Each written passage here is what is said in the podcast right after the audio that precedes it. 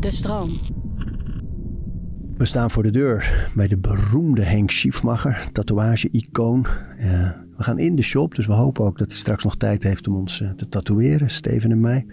Maar eerst gaan we met hem praten. En je moet weten, Henk, het is een goede vriend inmiddels, maar het is echt een verhalenverteller. Dus ik verwacht weinig structuur in het gesprek. Uh, er zat vast geen begin aan, misschien ook wel geen einde, maar wel een heleboel mooie verhalen. Er, er, er, komen pelgrims. Er komen mensen uit de hele wereld hier naartoe om getatoeëerd te worden. Er zijn mensen die komen uit Japan of uit Brazilië. En die willen een klein tattoetje hebben. En de andere keer komen ze helemaal uit Limburg. Ze zeggen, ik wou nog eens even aan u vragen of u mij kon tatoeëren voordat u onder die groene zoden gaat. Wat is een mens zonder houvast in zijn manier van leven? En ieder heeft een handvat en eigen rituelen. Orde in je hoofd zodat alles te overzien is. We praten over routines. Jij begint te tekenen op dat bierveeltje en tekent de gehele rug. En zegt, als je zo'n canvas hebt, moet je het ook gebruiken. Dit is hoe we het moeten doen. Ja. En toen heb ik ook, ik heb ook niet het meer getwijfeld. Het lichaam is een tempel, en die moet je versieren. Ja, dat waren je exacte woorden. We praten over routines. Ik begin nu langzamerhand nerveus te worden als ik weg ben. Maar er ontstaat een soort van heimwee halverwege de situatie. Als je op reis bent? Ja, ja, ja. Dat had ik nooit eerder. Maar, maar wat is het dan? Uh, de simpele regelmaat die je voor jezelf in het leven kan brengen. Als je wat ouder bent, dan wil, heb je wat meer behoefte aan, aan, dat geregelde. Structuur. Ja, ik ben, dat vind ik nog een beetje een eng woord, maar dat komt misschien vanzelf wel. Het is een heerlijke podcast voor jou over routines. Structuur is een beetje een eng. Dat vind ik wel. Ja, dat, dat, dat kleeft wel iets heel erg strengs aan, vind ik. Uh, maar het, mijn, het gemak waarmee ik zeg maar kan gaan zitten wanneer ik wil en een pennetje kan pakken en me niet rekening hoef te houden dat er nog een tas in de auto of uit de auto moet. Of, uh, want we, we, de laatste keren hebben we gereisd binnen de bubbel. Ik denk, ik ga niet meer naar Schiphol. Ik verrot het om zo lang daar in de rij te gaan staan. Ik wil ook niet in die aluminium buis zitten voor negen uur lang met, met mensen die zo goed als bij je op schoot zitten. Dus ik had besloten van oké, als ik vlieg dan vlieg ik business class. Zeker als ik op langere vluchten. Dan kan ik nog, heb ik nog een beetje privacy. Maar dat is natuurlijk, dat kost geld. Dus dat, dat kun je ook niet altijd veroorloven. En dus dat, dat, dat is een beetje. Als, ik, als, ik, als ze me ergens naartoe willen hebben, dan eis ik wel zo'n zo'n ticket. Als ze me dan per se willen hebben, dan betalen ze die ticket. Voor beurzen en uh, ja, speciale tatoeage ja, ja, ik, we, we hebben in, in, eh, in de collectie een, een aantal dingen uitgeleend aan uh, een, een, groot Frans museum. En, en die, die heeft die tentoonstelling die ze gemaakt hebben weer doorverkocht aan andere musea's. Dus die collectie die reist. En musea's onderling kunnen hele mooie afspraken maken over iets lenen van elkaar. Krijgen een soort van IOU, maar als burgerman krijg je weinig daarvoor terug als je iets uitleent. Dus ik heb toen gezegd van oké, jullie mogen die spullen lenen, maar ik wil dan wel dat jullie bij elke opening een ticket sturen en een vijf dagen hotel. Dus waar dat ook is. Dus we zijn nu naar Toronto geweest, naar Moskou, naar Taipei, naar Los Angeles, naar Chicago. En, en, en nu speelt zich dat, loopt dat een aantal jaren in Spanje. En dat is dan de collectie van het museum, of eigenlijk jouw persoonlijke collectie van alle dingen die je verzameld hebt over de jaren. Dat, dat, dat speelt nu, dat zit bij een of andere uh, ja, ING-achtige situatie in, in, in, in, in Spanje. En dat is een bank met, met een gallery er tegenaan. Die hebben dat heel slim gedaan. Die hebben in al die grote steden een prachtig gebouw neergezet door een of andere goede Spaanse architect. Hè. Spanje is toch een, rijk land als het gaat om kunst en uh, architectuur. En daar hebben ze dan een wisselende tentoonstellingen in. En dit is de tentoonstelling van het Branly, dus vanuit die ooit in Parijs. En die, die passen ze af en toe een beetje aan door er wat lokaal spul tegenaan te hangen. Maar de basis daarvan, daar zitten ongeveer tien objecten in uit het oude Tattoo Museum. Dus daar mag ik steeds voor naartoe. En de ene keer is dat leuk en de andere keer is het leuk om een paar dagen ergens te zijn. Ik bedoel, als je in Madrid bent kun je de Guernica gaan kijken. Je kunt nog, uh, je kunt Tuin de Lusten gaan kijken. Je kunt naar Goya en weet ik veel. Dus dat is allemaal, dat is leuk. is die, die koppeling hè, die, die bij jou zo sterk is tussen kunst en, uh, en tatoeëren. Is dat nou, ben jij degene die dat nou een beetje zo uh, um, ja, in leven gebracht heeft? Of is dat toch wel Ja, kenmerkend? Dat, dat weet ik niet. Ik denk, ik, ik, dat, dat zou een, eh, een erge grote klop op je eigen schouder eh, zijn. Ik heb er natuurlijk wel het een en ander mee van doen eh, gehad. Door allerlei publicaties en me overal maar mee te bemoeien. Maar ik denk dat er op dat moment meer aan de hand is. eh, er, er is een hele generatie jonge kunstenaars die van academies afkomen en die eigenlijk allemaal in het niets belanden en al- ook niet met hun kunst bij een gallery of net hetzelfde wat terecht kunnen, maar wel zich tijdelijk parkeren in die tattoo-wereld en daar met hun talent een goede boterham verdienen die hun ruimte geeft om dingen te doen die, die daarna weer komen. Er zijn ik, ik ben ervan overtuigd dat je in de komende jaren dat er een paar hele grote kunstenaars uit die tattoo-wereld vandaan zullen komen. Ed Hardy is daar een beetje de spearpoint van geweest. Oh Die zijn leven lang geschilderd en gedaan heeft. Ed Hardy kennen de mensen vooral Van de kledinglijn. Van de kleding, waar, waar, die, waar die alleen maar een hoop geld voor heeft gekregen. Dat was die Christian Oglier of wat de hel heette die man. Eh, maar Ed en Bob Roberts. En, en er zijn nogal een paar Amerikanen die, dat, die daar... Ja, die, die toch wel een redelijk bedrag op dit moment voor hun spullen krijgen. Maar vroeger was het toch zo dat als je wilde tatoeëren, dat je eh, eerst in een shop moest werken en vooral schoonmaken, opruimen, klusjes doen, koffie halen. Ja, dat is nog wel een dan. beetje eigenlijk. Het mooiste is Ja? als je... Ja, het is wel het beste als je in, op die manier ergens een beetje naar binnen rolt. Want dan ontstaat er wel een, een beter... ja, je kunt tegenwoordig zo'n ding natuurlijk gewoon via internet kopen. Je hebt, die maken ook geen geluid meer, die draaien rond. En, eh, en dan, dan gaat men zitten. En men maakt dan een soort van te grijs, te veel zwart. eh, eh, dus heeft geen idee over hoe dat er in de toekomst uit gaat zien. Nou, als je een beetje een apprenticeship krijgt en je bent in een gevestigd tattoo gebeuren, dan leer je natuurlijk wel een paar trucjes. En ik wil zeggen, dat heb ik niet nodig, maar het, ik kan me herinneren dat ik na jaren tatoeëren een boekje te vond over van Spalding en Rogers, dat heette van A tot Z. En tot mijn verbazing kwamen er nog een heleboel dingen uit die ik helemaal niet wist. En, en die, dus er is altijd nog wel iets te leren.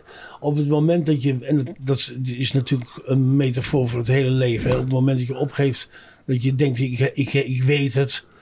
eh, eh, er is niks meer te leren, dan, dan, dan is het afgelopen. Hè? Je moet altijd eh, open blijven en, en jezelf blijven voeden. Ik heb hier in de shop heb ik een, een, een citaat van T.S. Eliot ja. Gezet. Dat gaat daarover van altijd blijven zoeken, altijd onderzoeken. Eh, en dan op het moment dat je terugkomt op de plek waar je ooit begon, you know the place for the first time. Alsof je er voor het eerst bent. Ja, en, en verwonderen. Verwonderen is een belangrijk ding. Blij- iets, iets mooi blijven vinden. En eh, ik kan, als ik me, als ik me heel, als, ik, ik kan echt werkelijk, als ik me niet lekker in mijn vel zit en ik ben vermoeid. Die vermoeidheid is on- onmiddellijk weg als ik voor een goed schilderij sta. Of voor een, eh, een, een, een goed beeld. Of Is dat altijd zo geweest bij jou? ja, de nieuwsgierigheid heeft altijd in me bestaan. Maar weet je wat, wat zo mooi is? Omdat je natuurlijk nou ja, vanuit die hele rauwe hoek kwam. eh, met, met motoren en...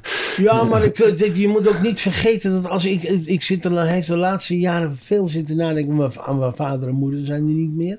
En dan denk je ook nog wel eens even na over het nest waarin je bent opgegroeid. Dat je dus als zes, zeven jaar, acht jaar, negen jaar. met een blauw overalletje, zoals in de chameleon, met je klompjes. op het slachthuis rondliep de hele dag met een groot mes in je handen. en, en, en, en hielp de koeienkoppen schoonsnijden. En, en mijn, mijn, mijn, mijn, mijn, mijn koortsnachtsmerries merries gaan daar nog steeds over. Die zijn helemaal gevuld met ontvelde dieren. Dat zijn allemaal schedels die op het dak liggen en die, die bloeden. En dat is allemaal dat, dat slachthuis eh, gebeuren. Waar je aan gewend was, maar waar je uiteindelijk niet, nooit aan gewend bent geraakt. De, de, de honderden dieren die je vader heeft doodgeschoten en je opa die daar in stukken gesneden werden. En die, die daar eerst, eerst met een trage gang en dan even bij, bij, de, bij de drempel blijven staan en dan een klein duwtje krijgen. En dan naar binnen toe dat slachthuis in en dan op die vloer staan. En dan baf! En dan donderde die naar beneden en dan dook ik er als kind zo goed als bovenop om, te, om, te, om aan het oog te zien hoe het beest stierf. En dan viel er op een gegeven moment viel er een waas over dat oog heen en, was, en dat was dat beest dood. Dat was een soort van kinderspelletje dat je daarna ging kijken. Maar nieuwsgierig dus ook daarnaar. Ja, de, voor mij ontsnapte daar de ziel. Weet je wel, zoals ze dat op school hadden verteld, dat je ziel ontsnapte. En ik denk van, wanneer gaat zijn ziel er nou uit? Het was een soort onderzoeksdrift om te weten hoe dat... be- En dan bleven we smiddags nog even, omdat er nog een paard werd doodgeschoten. En dan gebeurde dan hetzelfde weer. Nee, ehm, maar vanuit dat leven in de buurt was Harderwijk, toch? Ja, ja. En- En de slagerij is nu gesloten. Na al die jaren is die slagerij gesloten. Die heeft het dus niet. Mijn broertje had twee jongens en die wilden er niet aan. En het was ook een beetje moeilijk om, om, om de naam met de slagerij te verkopen. Want dan weet je ook niet precies. Dan mo- mo- moet je die 200 jaar kwaliteit misschien. Ja, als Dus iemand anders het overneemt, maar jullie naam blijft erop staan. Ja, maar het is voor mij wel een, een hele ernstige. Ik voelde meteen dat mijn huis weg was. Ja? Ja, daar zijn we allemaal in geboren. Daar zijn we, mm, niet alleen wij, maar ook mijn grootvaders. En dat, dat huis De is verkocht. De, dus dat huis is... Ja, je, de- de- ja. Hoe, hoe Dat- gaat dat bij jou op zo'n moment? Als je, als je daar dan aan denkt. Ik heb niet, geen reden meer om, niet echt een reden meer om naar Harderwijk toe te gaan. Ik, ik vrees een beetje om naar Harderwijk toe te gaan. Harderwijk was al erg veranderd. En eh, het is natuurlijk een heel andere stad geworden. Maar dan op dat moment is ook dat, dat huisje weg. Die, dat, de, de, wat, wat zo enorm groot was in mijn ogen altijd. Want wij speelden in de gangen, we speelden in de kelder en op de zolder. En eh, ga zo maar door. En als je er dan zelf eens een keer kwam en je liep er een keer doorheen, bleek het zo klein te zijn. Ik werk aan het, bijvoorbeeld het bureau van mijn grootvader. Daar zaten we vroeger met z'n drieën onder. Nou, als pak je in het hout, krijg je me er nog niet alleen onder. Dat gaatje waar je Dat allen- jij nu aan, dat bureau. Dat bureau, dat tatoeëert nog steeds aan. Ja, ik, ben, ik, hou, ik hou heel erg van dat soort dingen. Maar word je emotioneel als je aan zoiets denkt? Nou, ik, ik, ik heb namelijk moeite om emotioneel te worden. Dus dan, dat, dan, dit is een soort van getemde emotie die ik, die, die ik heel prettig vind. En, eh, Het verleden vind ik een soort van warme, een, een warm, warm iets. De keren dat ik jou wel echt emotioneel gezien heb, was eh, toen Louise, je vrouw, eh, ziek was. Hè? Ja, ja maar dat is dan, dan, dan is het. Dan ben je het spoorbijster. Dan, dan, dan, dan, dan weet je, daar weet je niet goed mee wat, hoe, je dat, hoe dat opgelost moet worden. En word je erg onmachtig van. En je bent toch altijd wel een type geweest wat zeg maar, eh, zijn eigen rijlen en zeilen bepaald eh, heeft. En als je dan in een situatie komt waarin je niks meer te vertellen hebt eigenlijk. Waarin je overgeleverd bent aan, whatever. Dan wordt het, dan wordt het eh, ingewikkeld voor je. Dan wordt het, dan wordt het onrustig. Het wordt vooral on- onrustig. En dat heb ik ook een beetje, had ik ook een beetje met zo'n vakantie. Dan, e- even is je ritme, je normale ritme is verstoord. En dat was toen ook. Mijn, ritme was eruit. En dan, dan moest ik dus ja, dan moest ik naar Leiden toe, omdat ze daar lag. Of, en dan ging ik maar met een taxi of zo eens naar Leiden. Dan, eh, dan zit je in zo'n taxi. Dan, eh, of, of, of je bent een paar keer met de ziekenwagen nog met haar in de ziekenwagen daar naartoe gegaan. Het was, een bloed, het was in haar bloed, hè? Ja, en dan, want dan ging er iets fout. En dan, dan word je wel een, dan, dan, is, dan zit er, blijft er niet zo ontzettend veel van je, van je over. Als je, ja, je hoort toch het gekerm achter in die ziekenwagen. Die, die vent die kletst nog een beetje met je die daarvoor in zit. Jij zit er ook. Dan is het niet. Een, een, een- de het feit dat je hulpeloos bent, is, is, is dan zo'n. Hulpeloosheid is een erg groot ongemak. Is, is een, is een, dat, daar kun je niet veel mee. Dat is, Maar wat doe je ermee? Hoe ga je ermee ja, om? dat valt niet om. Ja, later leer je een beetje eh, wat makkelijker om te gaan. Omdat je ook wat leert relativeren. Doordat die dokter je iets vertelt. Doordat er dingen gebeuren. Doordat er een zekere progressie is in, die, in, die, in, in het gebeuren. Maar het, het, het ergste was het, e- het eerste traject waarin er steeds gezegd werd van hier kunnen we niks aan doen. Dus eh, ja, je moet hier maar rekening mee houden dat het vandaag of morgen eh, toch voorbij is. Ja, dan, dan heb je natuurlijk de bekende vraag van wanneer dan? Nee, daar kunnen we niks van zeggen. Of, eh, nou, toen hebben we wel een paar keer zoiets van oké, wat men dan de bucketlist noemt, dan moeten we maar aan de bucketlist of zo gaan beginnen. En toen waren er een zootje Amerikaanse tatoeëerders die hadden ervan gehoord. En die zeiden van, oh, daar gaan we iets aan doen. En, En die, die, die, die, die, die kwamen toen met 70 man bij elkaar ergens in, in, in Huntington Beach. Met, eh, en die hadden daar bijvoorbeeld bedacht de Fuck Cancer Foundation. En die, gingen, die wilden voor Louise aan het werk. Dat, ze- dat ze zo, we don't care what you do with the money. We just give you the money and you can just do whatever you want with it. Ze wilden gewoon iets doen. Ja, maar het was ook zoveel geld dat we, wou we, niet, wou we niet eens hebben. We bewaren jullie dat maar voor volgende patiënt. Want Amerikanen zijn, hebben een andere verzekering als wij. Ja. Wij hebben geen verzekering.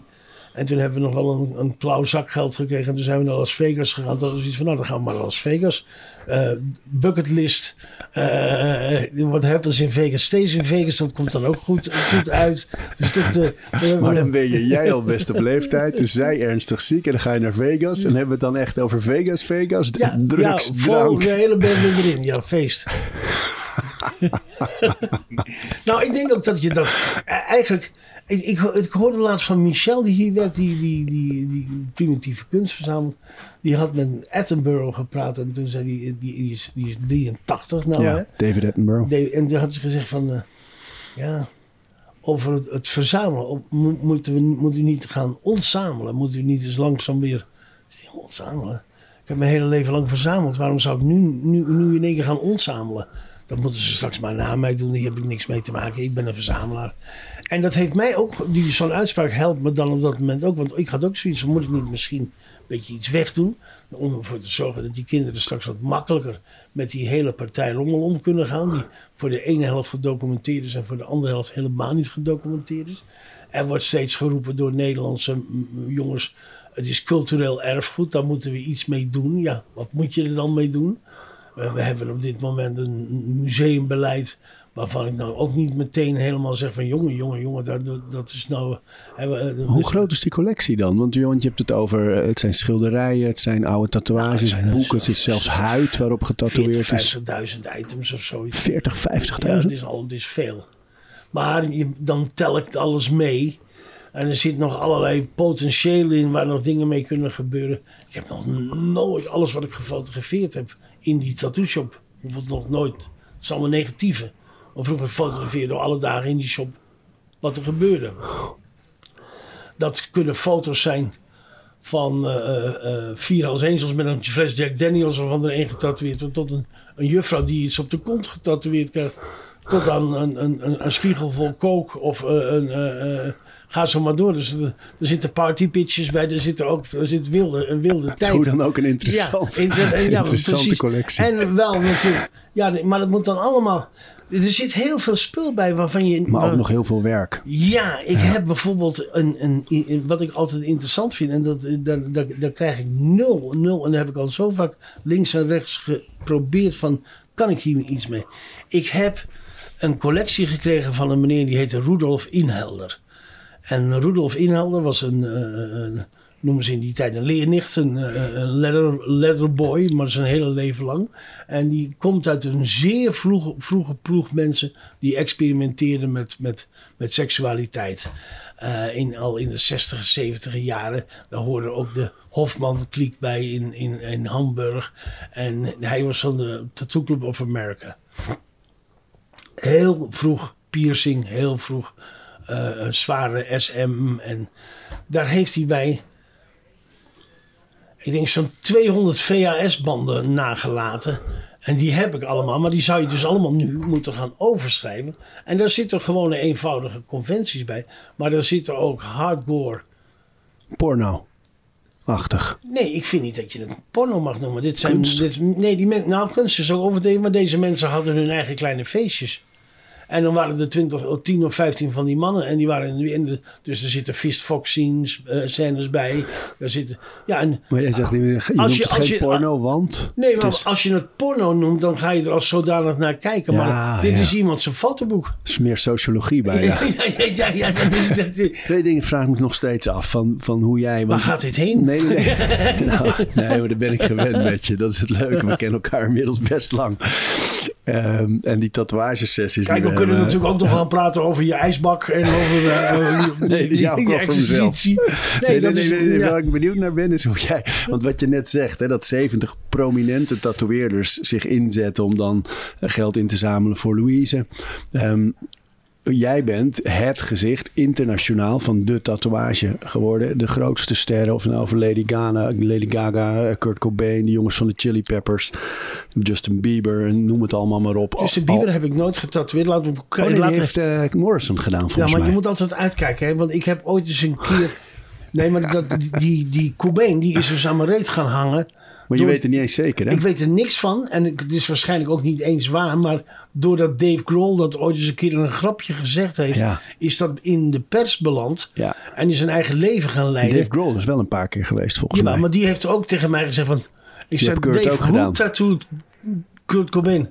Hij zei, didn't you do this? En ja, hij wist het ook niet meer. Nee, ik hoorde jou dat ook in een andere podcast een keer zeggen. Dat het natuurlijk heel vaak dan met name in die rockhoeken mensen, mensen een beetje doorgesnoven binnenkomen. Het is niet waar, die ziet maar die ligt en dan krijg je... We hebben een woke. Ja, uh, de woke. Ja, verschrikkelijk. De cancelcultuur. De ja. Maar eerst even van, van hoe jij die persoon, hè, die, jij toch het soort opperhoofd van de tatoeagewereld, kunstliefhebber uh, van, van die slagerszoon in die rauwe situatie via de Hells Angels en weet ik veel wat allemaal. Dat verloop. Wat is nou de eerste stap naar die tatoeagewereld? Om te beginnen, Arie, uh, je, bent een bijbelvast mens. Hè? Je weet wat van de Bijbel. Je hebt het, je hebt het rechte pad en je hebt het kromme pad. Hè? het slingerende pad, wat omhoog en omlaag gaat. De moeilijkere weg. Die natuurlijk een stuk interessanter is als het rechte pad. Het rechte pad leidt eigenlijk tot niks. Eigenlijk zou het rechte pad het slechte pad moeten zijn. Omdat je jezelf nergens challenged. Maar dat kronkelende pad, dat is het interessante pad. Ja. Daar zitten struikrovers, er zit van alles en er gebeurt iets. Dus ik heb altijd voor het kronkelende pad uh, genomen, gekozen. En uh, mijn interesse in, in, in die grote stad was al, vrij, uh, was al vrij jong. Dus ik probeerde altijd, maar in. Toen vanaf het moment dat ik een beetje een brommertje had, ging ik op het brommertje. De, ook nog idioot, maar dan ging ik dus door de polder. Maar die polder was er nog niet. Heel Almere lag nog in, was nog allemaal water. Dan kon je over die dijk heen rijden en dan was je vrij snel in Amsterdam. En dan ging ik naar Amsterdam toe. En dan. Ik wilde graag fotograaf worden. En ik ik, had ondertussen in, op die Veluwe zo'n Cor ontmoet, de, de fotograaf. Uh, veel havenfoto's, maar ook veel deskundelogisch laboratorium met Max Reneman, rare dingen. Op zoek naar de bronnen van de Amstel en uh, openbaar kunstgebied. Ook nog zo'n soort ding wat uit die tijd. Uh. dus ik ging veel met Cor mee en, en dan leende ik zijn Leica. Dus ik wilde ook mijn eigen cameraatje en ik wilde zelf fotograferen.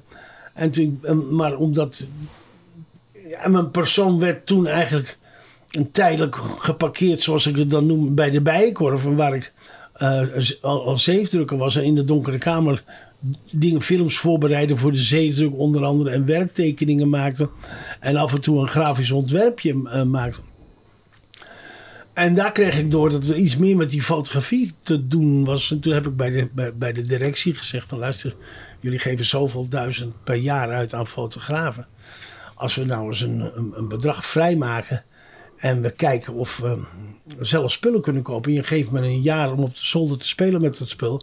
Dan konden we wel eens een hoop geld besparen. Die hebben me toen 120.000 gulden gegeven. En daar heb ik een soortje Hasselblad van gekocht en uh, spul. En ben toen zeg maar gaan experimenteren totdat ik de eerste catalogie en dat soort dingen kon fotograferen. Ondertussen deed je kleine klusjes voor Liedewij Edelkoort bijvoorbeeld van alles fotograferen. En die, die waren allemaal bijkorfmensen. Die bijkorf is altijd wel een broedplaats geweest voor een heleboel mensen. Liedewij Edelkoort inmiddels natuurlijk internationaal autoriteit op het gebied van kleur, stijl, mode. Ja. Nou ja, en ik, we zaten dus in het gebouw Essie de Vries. Dat was een oud gebouw. En dat zat uh, waar nu de parkeergarage is. Dus als ik dan s ochtends in de Wammoestraat daar uh, ging werken en in het donker kwam ik het gebouw binnen vond ik ook het droevige van bij een baas werken. Dat je vaak dan in het donker het gebouw weer verlaat. In, de winter. Waar is het daglicht, weet je wel? En dan ging ik tussen de middag. Dan had ik een half uurtje of een uurtje pauze. En dan liep ik meteen eigenlijk via de Sint-Janssteeg de hoerenbuurt in richting Tattoo Peter. En dan ging ik daar even kijken. En dan zaten er wat mensen buiten op de stoep. En dan maakte ik wat fotootjes. Ging ik terug. Ging vaak s'avonds nog weer even naar hem toe. Want ik had, een, ik had bedacht er is een weg de fotografie in, denk ik, als je naar zo'n revue toe gaat en je kan ze iets laten zien wat ze nergens anders kunnen krijgen. Dus ehm, Op een gegeven moment had ik iets van 800, 900 diaatjes met tatoeage. Die had niemand. Dus daar, daar ging de deur bij de avenue open. Dus ik kreeg een dubbele pagina in de avenue. Bingo, de eerste grote klus, weet je wel. Dat was goed. Avenue was een, Ja. dat was een magazine met aanzien. Het was voor mij echt avenue of nooit. Het was, en, en dat werd een prachtige reportage. En vervolgens kwam, ben, belandde ik bij Ton van Dijk op de nieuwe revue. Dat was natuurlijk, daar kreeg ik meteen mijn eerste snuif in mijn leven uit een la. eh, Op de redactie? Ja, ja, ja. Het is het fenomeen En- redactiekoken is echt Ja, gewoon ja, ja. We realiteit. hadden toen de drie S's, seks, sensatie en eh, eh, socialisme. Dat was een beetje de vorm van het blad. Ja, dat was de vorm van blad. En Arnold Jan Scheer, die deed daar toen Burgerhotel Pluk de Dag. En dan gingen we de Veluwe op. En weet ik, we gingen gewoon een rondje rijden op zoek naar dwaallichtjes, dwergen, eh, eh, eh, eh, eh, elfjes, eh, Sint-Nicolaas. eh, eh, mensen die in een volle eenzaamheid met alleen een kip in de, in, in, in de, in de bedstee woonden. En, eh, en daar maakten we dan een foto van. En die, met, een- die waren dan, dat waren dan de paradijsvogels van Burgerhotel Pluk de Dag. Wat later een televisieprogramma Ja, is geworden. En vandaar die stap naar tatoeëren. Nou, ik, ik, een van die groepen mensen die ik fotografeerde, omdat ik, ik fotografeerde slapende mensen in de stad, mensen die met een muziekinstrument onderweg waren op de fiets, en dan ook getatoeëerde mensen. Dus ik fotografeerde Ja. getatoeëerde mensen. En daar ontstond een soort van vriendschap. En Peter, die, eh, die, die, die had natuurlijk maar één been. En die wilde dan graag naar Engeland toe. En zei: Ja, ik wil naar Engeland toe een paar collega's eh, bezoeken. Maar ik, ik kan natuurlijk geen koffer dragen. Als je, wil jij meegaan, dan betaal ik de trein en dan draag jij mijn koffer. Nou, oké, dan, dan gingen we met z'n tweeën naar Engeland heen karren. Bij allerlei tatoeëerders op visite. En dus daar verzamel je je kaartjes en dan kreeg je een tekeningetje mee. Je ging met die lui het café in en naar een ander café en weer. En, dus dat werd allemaal vriendschappen. Die mensen stuurden je af en toe een briefje of een dingetje. En kreeg je weer een paar fotootjes, want het internet bestond nog niet. Maar er was wel een soort internationale connectie tussen die lui. Dus die hebben me toen lid gemaakt van de European Tattoo Artists Association. Nou, dan praat je over 1974 of zoiets. Die ging toen over in de National Tattoo Artists. De International Tattoo Club of the World, the National heette die. Ook, ook nog leuk, wel leuk. Maar die hadden dan weer een conventie in Reno, dus dan ging ik daar weer naartoe. En in Reno had ik zoiets van: jongens, we moeten ook zoiets doen in Europa. We moeten in Europa zo'n conventie organiseren. En dat waren langzamerhand die stappen. En langzamerhand zakte ik. En toen heb ik een grote reportage over de Hells Angels gemaakt voor de nieuwe revue. En die, die wisten dat ik een tattooapparaat van. U bent toch die tatoeateur? Ja. Kunnen ons niet, en toen hebben we een paar van die jongens getatoeëerd. Nou, dat is op zich is dat een goede start. Dan heb je een kritische klant. Die, die, die- dat, dat werkt ook. Dan, not to be fucked with. Dus dat moet je zorgen dat het in orde is. En die vonden het wel leuk dat er een soort van vrije stijl was. eh, dat ik soort van die wings en die skull. Dat ik, dat, ik me daar goed in kon vinden. En eh, met een andere naaldenspel. Want Peter was toen nog de enige tatoeëerder in Amsterdam. En in Rotterdam zaten er toen drie of vier. Dus dat, en dan hield het op. Ik er nog Karel in Groningen. Maar dan was, dan was het voorbij. Dus dat, eh, Wat is die wereld dan gegroeid, hè? er waren toen 350 of 400 tatoeëerders in de hele wereld die elkaar allemaal kenden. En als je een vent zag lopen met een helemaal gesliefde arm, dan wist je zeker dat het een tatoeëerder was. Nu is dat Iedereen, ja. van de roelvinkjes tot aan eh, David Beckham. Iedereen zit helemaal vol. Als je naar Temptation Island kijkt, dan denk je van... Ik hoop toch niet dat het mijn schuld is dat het er allemaal zo uitziet. Want je vindt- het niet altijd even goed. Ik ben nooit, die, die hele wolkenpartij die, dat, waarmee ze die boel aan elkaar gezet hebben, vind ik, heb ik nooit echt. eh, en er staat ook zoveel, onno- die tegeltjeswijsheden ben ik ook nooit zo. Ik vind dat je toch wel, je moet tot op zekere hoogte nadenken en, en ook eigenlijk niet. Er moet ook iets spontaans in blijven bestaan. Maar als hier een mij, tegenwoordig hebben ze, dan moet het dan handpoked en rare dingetjes zijn. En dan zijn het zulke kleine lettertjes die ze willen. En ik, weet niet wat het verhaal daarachter is. En dan zijn het ook hele, het mo- mogen domme tekeningetjes zijn. Maar eigenlijk kan ik daar nog beter tegen als tegen dat wat ze dan noemen all day black and grey. En dan dat ze dus enorme eh, eh, partijen grijs en zwart erin zitten te douwen. En dat je dan, als zo'n vent dichtbij staat, kun je nog wel zien dat het Batman is die ergens in een donkere steeg naar je staat te loeren. Maar als hij aan de overkant had, dan denk je, want die vent is de hele middag in de garage bezig geweest. Gewoon een Heeft zijn zwarte armen niet gewassen, ja. dus dat- Waarom denk je dat mensen het doen, het tatoeëren? Nou, dat is wel een interessant gegeven natuurlijk. Want je, er is een periode geweest dat je, je kon je individualiseren. Hè? En dat is natuurlijk ook een beetje... Die, die tatoeëerder is een soort... Er was een van de eerste mensen die een, na de rock'n'roll een soort van rock'n'roll status kon, kon krijgen. Ik kreeg, op een gegeven moment had ik een redelijke rock'n'roll status. Kon doen wat ik wilde. Mocht overal naar binnen. Eh, eh, eh, weet je wel, dus toen gingen de chefs eraan, de grote chefs, die zijn ook allemaal getatoeëerd, de voetballers. Dus er zijn allerlei goede rolmodellen in de maatschappij, te vinden, de rock'n'rolls. Dus goede rolmodellen te vinden voor mensen die jong zijn en die ergens naartoe en denken van, dat is mijn leven. Ik ben een soort van Anthony Kiedis of ik ben een soort van, of ik, ik ben de nieuwe Sergio Herman. Eh, ga zo maar door. Maar ja, je moet, eh, eh, de, de- de enige reserve is best wel geboden in deze. Want om je nu meteen met het hele messenrek vol te laten zetten. En de schuimspaan en de, de deegroller. Dan weet je wel, dan moet je toch ook wel zeker weten dat het. Vroeger vroeger was je dat de rest van je leven. Nee, maar nu kan het ook wel weer anders uitpakken. Dat- Ik, denk, ik denk zelf, of al ik merk als ik zin heb om te gaan tatoeëren, dat er altijd ook wel iets in mijn leven een beetje onzeker is. Of dat ik me ergens aan vast wil klampen. Of de- een soort behoefte aan bestendiging en vasthouden. En of het nou vasthouden van een ervaring is, een gedachte, een motto, een persoon, een tijd, een gebeurtenis. Een van Ja, maar laatste- jij hebt ze om allerlei redenen wel gehad. Ja, Je hebt ze ook ja. wel wat meer spontane genomen. Ja. En ook wel weer heel bedacht. Ik bedoel, Nou, met, met jou, ik weet, mijn allereerste, weet ik dat jij en ik, ik klopte bij jou aan. Ehm, had al verteld, ik wil graag een Sint Joris en een draak. Nou, dat is jouw hoekje. en we zaten in Café Hesp met een bierveeltje voor ons en, en wat drink op tafel. En eh, ik had in gedachten mijn schouderblad. Ja. En jij begint te tekenen op dat bierveeltje en tekent de gehele rug. En zegt, als je zo'n canvas hebt, moet je het ook gebruiken. Dit is hoe we het moeten doen. Ja. En toen heb ik ook, ik heb ook niet het meer lichaam is een getwijfeld. tempelarie en die moet je versieren. Die, dat waren je exacte woorden. Dus toen hebben we bij jou thuis in vijf sessies van ongeveer drie uur... hebben we die Sint Joris in een beetje koptische stijl... hebben we mijn hele rug gevuld. Dat was mijn allereerste tatoeage, volledige rug. en daar heb ben ik je- nog altijd zo blij Ja, mee. dat is een goeie. Ja, man. dat is een goeie. Het is een van, mijn betere een van mijn betere tatoeages. Dat doet me al helemaal goed. Ja. En je zei soms spontaan. Ik ben ook wel eens samen met een vriend Bram. Na een avond eh, dat we, eh, jaren geleden natuurlijk, flink aan de drugs hadden gezeten. En de alcohol doorgehaald. 's ochtends om een uur of tien jou Ja. gebeld van ben je al up Ja, and running? ja. Ik zei nou ja, ik, ga net, ik loop net naar de shop. Eh, en toen zijn we om een uur of half elf gaan zitten. En toen heb je ook een beetje, het een beetje koptisch. Ja, het is, Maria hij Jezus. komt uit dezelfde collectie. Hij komt bij, bij er is een, een familie die 13 generaties lang getatoeëerd heeft. De familie Razouk. En die zitten tegenover de Tower of David Museum in Jeruzalem als pelgrimtatoeages.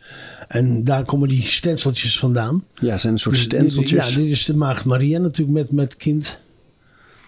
Met kind. En die pelgrimstatoeages, die, die- die bestaan al heel lang. hè? Ja, ja, ja, die zijn nu weer echt. Er, er, er- zitten van die golven door die tattoo-wereld heen. Omdat langzamerhand ontstaat er besef dat bijvoorbeeld iets aan het uitsterven is. En nu is er weer een jongetje begonnen uit die Razouk-familie. Met de stencilblokjes die door zijn overgrootvader gesneden. Dat was dat eh bedovergrootvader of zo. Want dat was een timmerman uit Egypte die dat dingetje sneed. Egypte heb je nog vrij veel koptische Ja. tatoeages. Kopten. Moet je wel vinden, is niet zo makkelijk bereisbaar land hoor. Eh, dat willen ze, wel, willen ze wel graag. Want ze hebben er nu het grootste museum ter wereld neergezet. Dat is een werkelijk buiten proporties. Maar ik was daar met de Chili Peppers. eh, Louise en ik zijn er naartoe gaan toen de Chili Peppers speelden. Voor de piramide. Op een podium, ja. Maar we zijn daar door de stad vervoerd met, met, met, met, met busjes, met luiden met AK-47's, beveiliging. En met 120 km per uur dwars door de stad heen schreeuwend en blaren tegen iedereen die er maar opzij gegild moest worden. En dat hele podium was omringd door lui op kamelen met Kalasnikovs en zoiets. En, en dan komt er zo'n hele grote luchtmachtcommandant. Dat zijn allemaal grote kerels die daar de baas zijn. Hè, die eh, Mubarak-achtige types. Hij zegt, tourist. Please tell everybody back home that Egypt is a safe country. En ik zei, yes sir. En, maar, dat was het maar ja, dan zit je wel in de Four Seasons of zo. Daar is het hartstikke safe. Dan ze iedereen van de stoep af die ook maar eventjes lastig wordt. maar ze zijn dus dat... ze hebben daar... Het is totaal veranderd rondom die piramide heen. Dat, dus daar is een hele muur omheen gezet. Dus het wordt helemaal goed uitgemolken door die families die daarbij betrokken zijn. En daar is het grootste museum ter wereld neergezet. Want ze hebben natuurlijk een vracht van die rommel. Daar kun je wekenlang doorheen wandelen wat die lui hebben. En dan ligt er nog een hele partij in de grond. Dat is een heel rijk kruispunt geweest daar. Deze aflevering van Overroutines wordt aangeboden door Squarespace. Een alles-in-één platform waar je je eigen website kunt bouwen en beheren. Het maakt niet uit of je producten, diensten of je passie met de wereld wil delen. Het kan allemaal bij Squarespace. Ik noem even kort drie handige functies van het platform. Met het ontwerpsysteem kan je makkelijk je website vormgeven en het helemaal eigen maken. Squarespace analyseert hoe je website presteert en wat er voor nodig is om je bedrijf online verder te laten groeien. En ook kan je abonnementen en exclusieve content aanbieden aan betalende leden. Start nu je gratis proefperiode via squarespace.com/overroutines. En ben je klaar om je website echt te lanceren? Gebruik dan de code overroutines, dan krijg je 10% korting op je eerste aankoop van een website of domein. Henk, over de symboliek. Hè? We begonnen voordat we de microfoon aanzetten over die uh, fregatvogels. Van die, van, een beetje die kleine bij een pijltjesachtige dingen die je op je vingers hebt. Ja. Maar over die betekenis van tatoeages. Maar hè? die zo'n vergatje, die kom je dus door de, die kom je overal tegen. De lizard en de vergat zijn dus zo'n beetje de grote. En, en, de, en de, de thunderbird is natuurlijk ook een, eigenlijk een soort van grote vogel. Uh, in de Molukse cultuur kom je dat vogeltje tegen. De, Oh ja, ja. de zie je ze ook. En, en dit is dus op de Pacific. En, het, en een vergatvogel die kan kleine 3,5 maand in de lucht blijven zonder dat hij hoeft te landen. Zo. Uh, en kan dus, is, is, staat dus bekend omdat hij het verste uit land kan. En in die enorme uh, uh, Polynesische, in die, in die Pacific, waar die eilanden duizenden kilometers van elkaar, daar bestond een, een, een klassieke vorm van navigeren. En daar hoorde die vogel bij. Die vogel zien betekende land in de buurt. Het verkleuren van de wolken betekende land in de buurt, omdat de lagoon meestal wat blauwer is. Je kon volgens aan je kloten voelen of je dichtbij was, omdat het water onder de boot door zich anders gedraagt als je dichter bij land komt. En dan had je nog de sterren. En hun, dus hun konden nauwkeurig navigeren. Het is, wij, wij, hebben altijd een beetje de neiging gehad om lui met holle, bo holle boomstammen uh, een beetje tot primitief te betitelen. Maar dat is niet, dat, die, die vergissing kom je langzamerhand achter dat het niet zo is bij mooi, deze hè? mensen. Ja. Die oude kennis. Ja. Dus dat, is die, dat zijn die pijltjes. Ja, en, dan, en dat zijn andere dingen. Hier zit dan. Het is dus ook buiten dat het nog een keer een, een, een klassiek medicijn is tegen de reuma. Is de, de tatoeage? Ja, de, de, de handtatoeage die, is, die vind je over uh, de hele wereld heen. In, in, in de Arabische wereld wordt die ook tegen de reuma gebruikt. Um, en en in, in de Pacific, ik, ik heb me wel eens laten vertellen dat de naam in de Pacific dezelfde is als de naam in, in, in Noord-Afrika. Dat de naam zelfs gemigreerd uh, uh, is. Want het is natuurlijk een korter bewoond gebied. Uiteindelijk zijn we, voor zover we dat nu weten, allemaal zo'n beetje uit die rif en zo vandaan. Ja, Mesopotamië. Ja, dus. Maar dit, dit is dan dus de je voedsel. De zeeegel. Een soort ster. Ja, een zeegeltje. Lekker trouwens, zeegeltje. Heerlijk. Goed voor je. Goed met... Uh, ze maakten het dan niet met risotto, maar zeeegel met risotto is een van mijn favoriete. Uri noemt uh, Japan het. Heel gezond. En dan dit. Eigenlijk het kussentje. Dat is een houten dingetje om je hoofd op te leggen. Een soort is- kruisje. ja, maar waar je, waar je je hoofd neerlegt om te slapen is je huis. Dus dat is... eh, eh, Daddy was a Rolling Stone. ja, maar waar je je ogen durft te sluiten, daar, daar, daar is je safety, dat is je veiligheid. Ah. Dat, is, dat is je huis, dat is je behuizing, dat is je...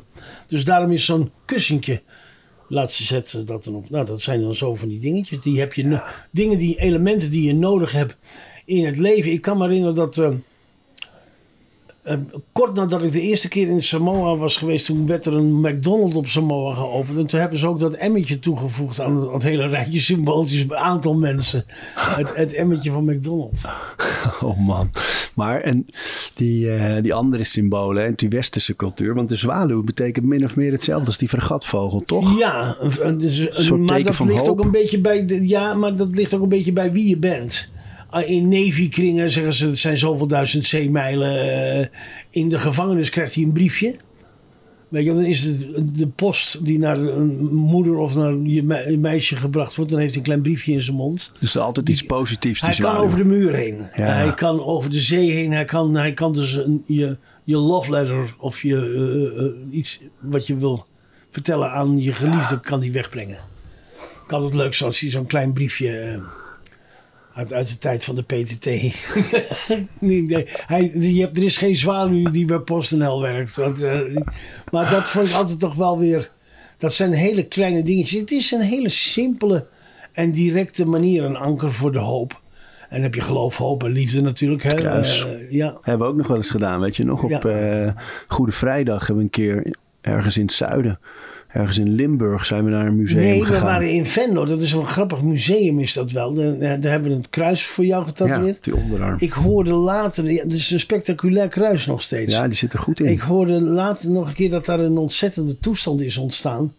En dat, eh, dat had te maken met eh, dat er ergens in de buurt van Venlo bij een opgraving een, een, een wat, waarvan ze dachten dat het een Joods badhuis was gevonden.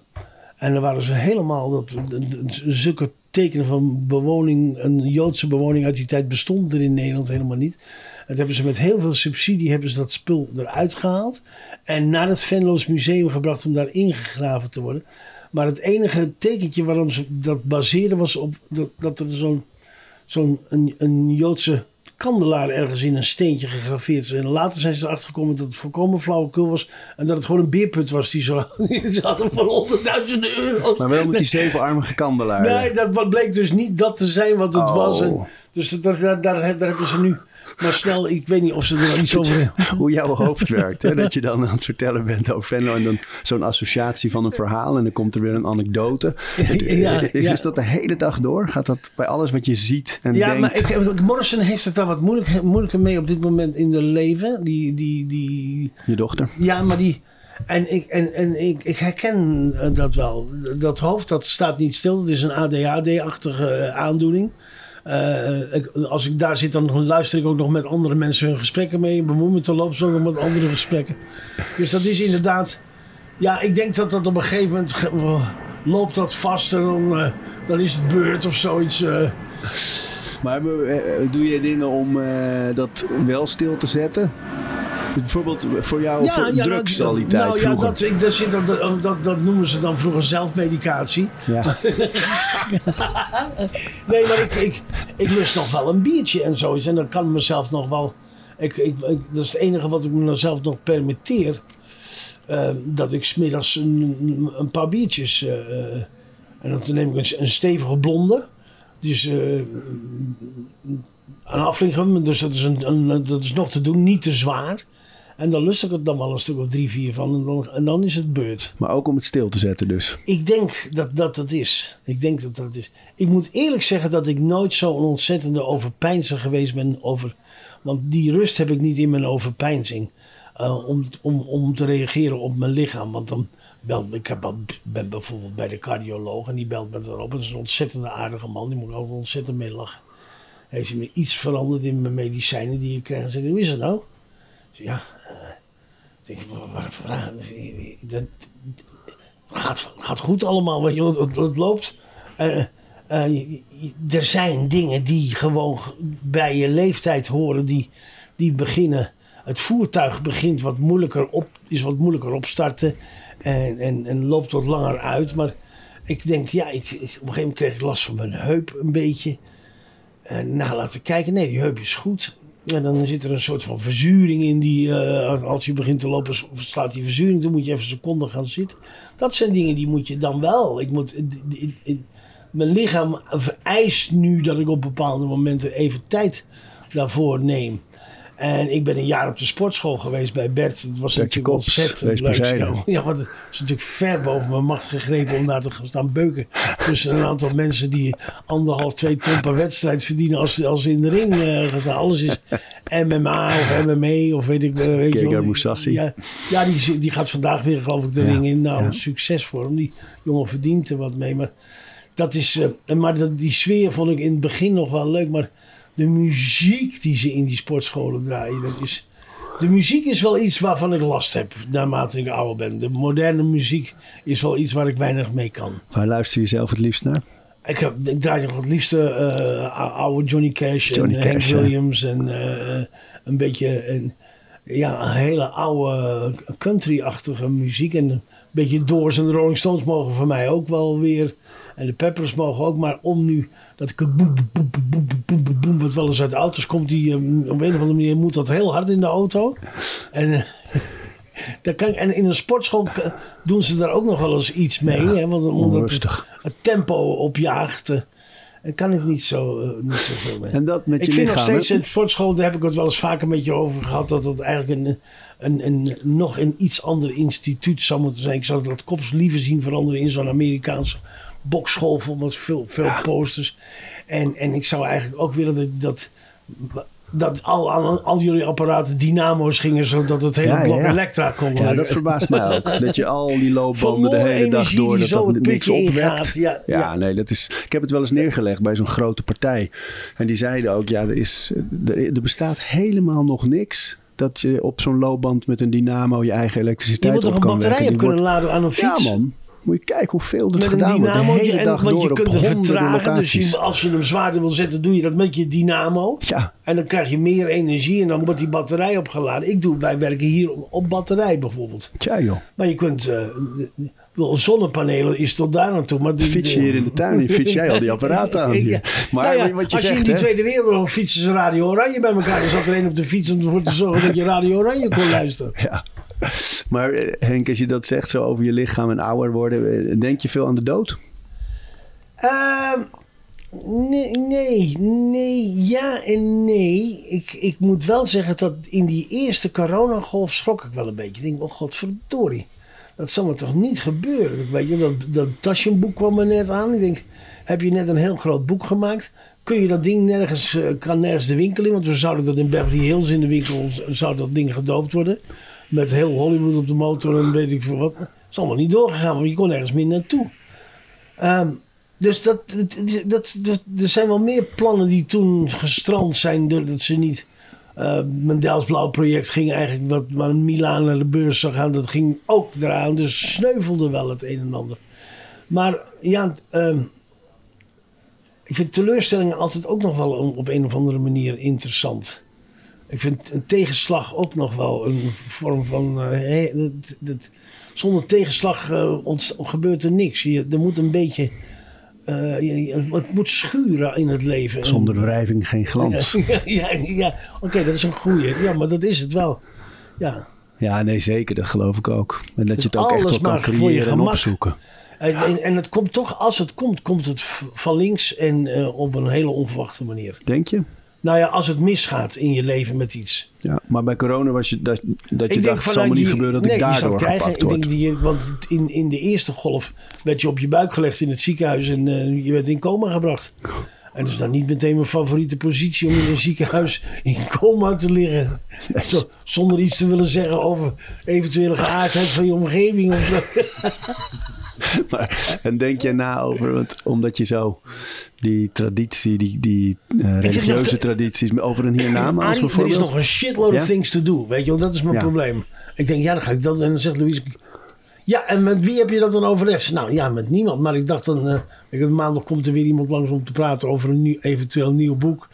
Uh, uh, maar dat. Ja, dat komt dan in mijn hoofd op. En dan gaande lopend naar huis. Tik ik dat in mensen, Is dat een interessant gegeven om iets aan te doen? Ik heb altijd al graag iets willen maken over gevangeniskunst. Ook omdat ik dat. eh, van alle kunstvormen eigenlijk de enige kunstvorm vind waarbij niet direct het hoofd gebruikt wordt, maar meer het hart gebruikt wordt. En dat is iets wat me ontzettend aanspreekt, dat je met, je, met, met, met die emotie van een moordenaar iets kan maken wat mooi en Mooi lief is, is. ja. eh, eh, hè? Ja, mooi. Ja, dus die, die heeft ook een moeder, namelijk denk ik ook altijd ook nog wel. Meneer Holleder heeft ook een moeder. Maar je eigen dood en, het, en wat daarna komt. Ja, dat wordt een chaos, Arie. Dan heb je dus een heleboel rommel die ze moeten. Die kinderen moeten dan. En Louis, in Louise, eh, die zal niet al te troostbaar zijn, dus dat wordt moeilijk. En dan, dan krijg je ook nog. Vroeger had ik nog wel zoiets van: oké, nou dan gaan we op een bootje en dan gewoon iedereen zijn hemd uit op de brug. En eh, we maken er iets van een feestje.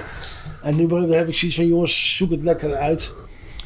Eh, nog wel altijd het idee om een paar dingetjes zeg maar na te laten, om een paar tatoeages te laten verwijderen om die te bewaren. Van je huid, dus je huid eraf halen. Ja, ja kijk, het, het, het- het- als ik een stukje ge- getatoeëerde huid in mijn handen heb, denk ik altijd. Hoe krankzinnig het is dat, dat de persoon die dat had er niet meer is. En dat er nog steeds een vorm van communicatie is met die persoon, omdat, die, omdat je naar zijn tatoeage zit te kijken. Dus als je dus echt wil praten naar de dood, dan moet je je tatoeages eraf laten halen. Dus dan kun je nog iets vertellen. Want het is een non-verbale manier van communiceren. Het is iets over je. De, Willem van Gulik zei, de, tatoeage is de spiegel van je geest.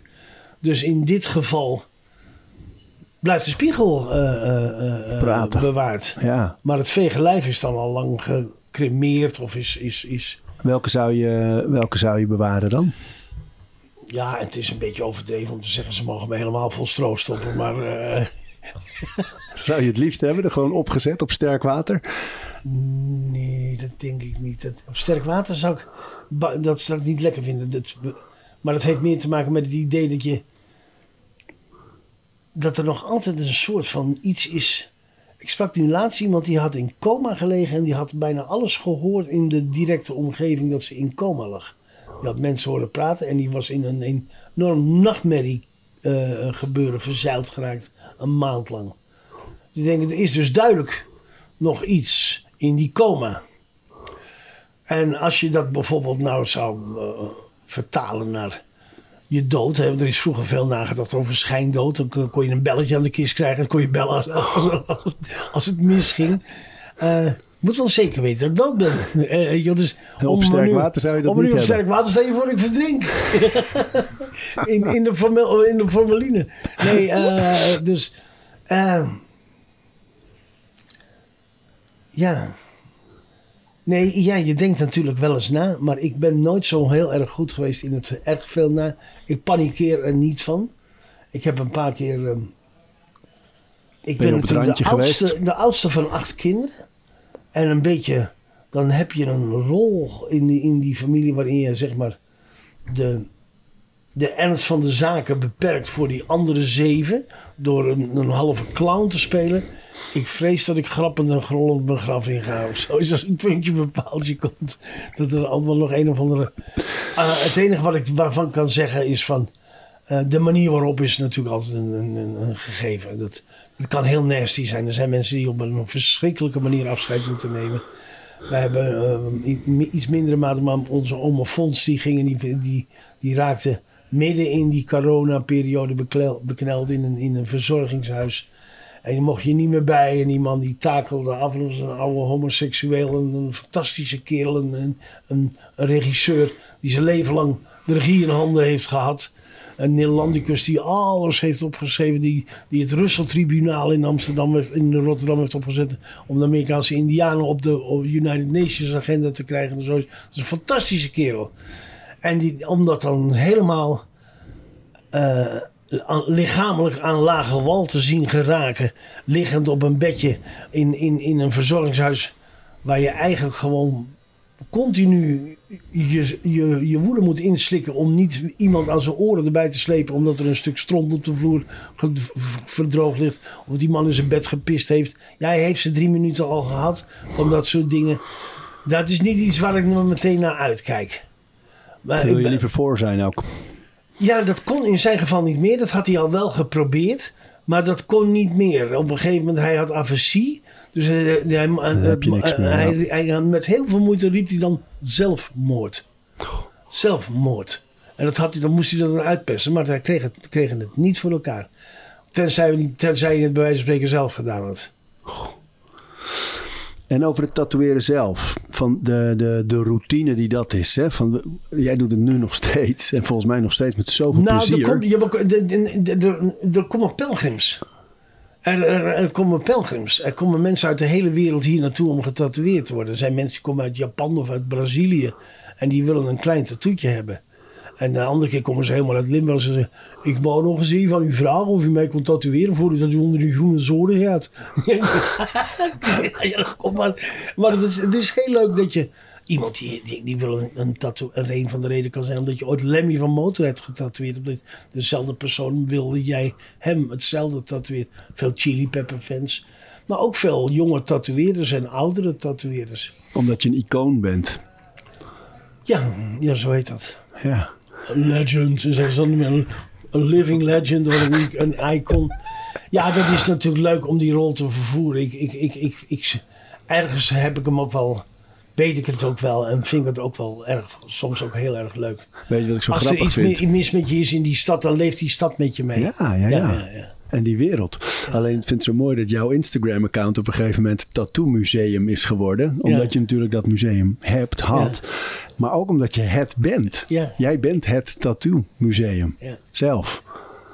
Ja, maar ja, dat, dat, en het grappige is dat ik heb 102.000 followers. Ik heb geen idee hoe ik het gedaan heb. Want ik doe er nooit een behoorlijke hashtag of een hoe heet dat ding. Er zijn En je mensen schrijft die... lekker met je dyslexie al die teksten gewoon. Ja, maar meestal, je moet altijd zo tegen een uur of vijf posten, want dan, kan, dan leest Amerika het. Dus dat, dat is meestal een café-post.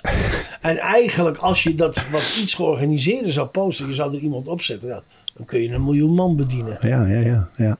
Maar ja. Het is wel een leuk, ik, ik blijf het nog steeds leuk vinden, alhoewel ik wat lastig begin te krijgen met al die korte filmpjes die je nou over je heen gegoten krijgt. Ja, die reels. En die reels die krijg je gewoon, die, die worden voor je opgezocht. Maar jij zou daar wel lekker met Cash eronder, Johnny Cash eronder. eh, Ja, maar ik- dat kan ik allemaal niet. Dat moet Texas voor me doen. Ik, Ja. ik, ik, ik, ik kan de, Andere de computer is niet mijn eh, ding. En ik was ook niet van plan om daar verder eens nog iets mee... eh, Maar mee- tatoeëren zelf, want ik hoor hier nu, hoor je op de achtergrond die naalden. Hè, van, en ik heb bijvoorbeeld, als ik in een wc kom en ik ruik Dettol, dan heb ik een soort Pavlov.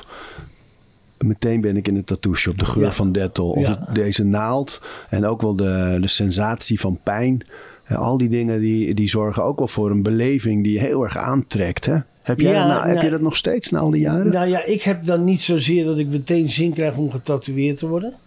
Dat is, dat is, dat stadium ben ik wel voorbij. Dan moet er iets gebeuren. Is er nog plek eigenlijk? Jawel, jawel. Nou, ik heb mijn hele buik nog en een stuk van mijn benen. Maar bijvoorbeeld Bob Roberts is overleden. En dan denk ik van, ik moet toch ergens een... in memory of Bob, weet je wel. Dus, eh, dus dat, dat krijg je dan wel weer. Maar dat, Charlie komt hierheen. Dus denk ik dan, nou, Charlie Roberts. Dus denk ik, laat ik dan Charlie wel in memory voor zijn vader eh, bij me maken. Alhoewel je dat ook, ja, je wordt langzamerhand naarmate je ouder wordt, verander je in een soort van kerkhof. Eh, overal staan dode figuren. maar dat is ook wel, ja, dat, dat vond ik ook altijd het charmante van Tattoo Petersen. Ja, in, eh, ja, in, in 57 was ik in Hamburg en dan die had, weet je wel, dat was Ging even kijken en Even, even kijken, hoe was het ook weer? Een Memento een eigenlijk. soort agenda, ja, dat, die, die daar was. Dus dat, je eigen biografie. Ik denk ook eigenlijk achteraf. Eh, ik zag nu eh, Rob de Nijs zitten, die dan Parkinson heeft. Laatste concert, Ziggo. ja, en dan zie je dat soort. eh, zie je hoe mensen aftakelen, hoe hun geheugen aftakelen. Denk van. Die aanwezigheid van die plaatjes. Ze, ze kunnen je op een gegeven moment naar zo'n hospice verhuizen. En dan krijg je, mag je twee foto's meenemen, net als in Nieuwersluis in de gevangenis, om neer te zetten en de Bijbel. En dan mag je nog een schilderijtje ophangen. Maar deze collectie, die kunnen ze niet van je afpakken. En als ik op reis zou willen in mijn hoofd, dan kan ik door mijn eigen tattoos te bekijken, denk van hé, hey, ja, ja, die heb ik in Samoa laten maken. Dus ik heb mijn, mijn, mijn geheugen heb ik ook een beetje onderhuids. Dus ik, ik, dit zijn niet alleen leuke verhalen voor kleinkinderen, maar het zijn ook nog een keer mijn eigen. Ja, ja, en die ook. Nee, Louise. Ja. Zullen we een paar vergatvogels gaan tatoeëren? ja. Ik zie dat mijn vrouw ondertussen zich ook gemeld heeft aan Oh. de balie. Dank Dus we gaan dit afsluiten, Arie? Ja, toch? Ja, zeker. Ja. En we gaan op zoek naar een nieuwe toekomst. Want Amen. volgens David Bowie is de toekomst niet meer wat die geweest is. We praten over routines. Dankjewel voor het luisteren. En voordat je weer doorgaat naar andere dingen, wil ik je nog even wijzen op Over Inspiratie. Dat is het mailtje dat ik elke donderdag rondstuur met drie tips. Dingen waar ik zelf veel aan gehad heb. Het kunnen producten zijn, artikelen die ik gevonden heb online, onderzoeken uh, Instagram-accounts, podcasts, boeken, van alles eigenlijk. En ik denk dat je daar zelf ook veel aan kunt hebben. Dus vind je het leuk om dat mailtje elke week te ontvangen? Dan kun je je opgeven op ariboomsma.nl onderaan de pagina. Dan krijg je voortaan elke donderdag in je mailbox over inspiratie.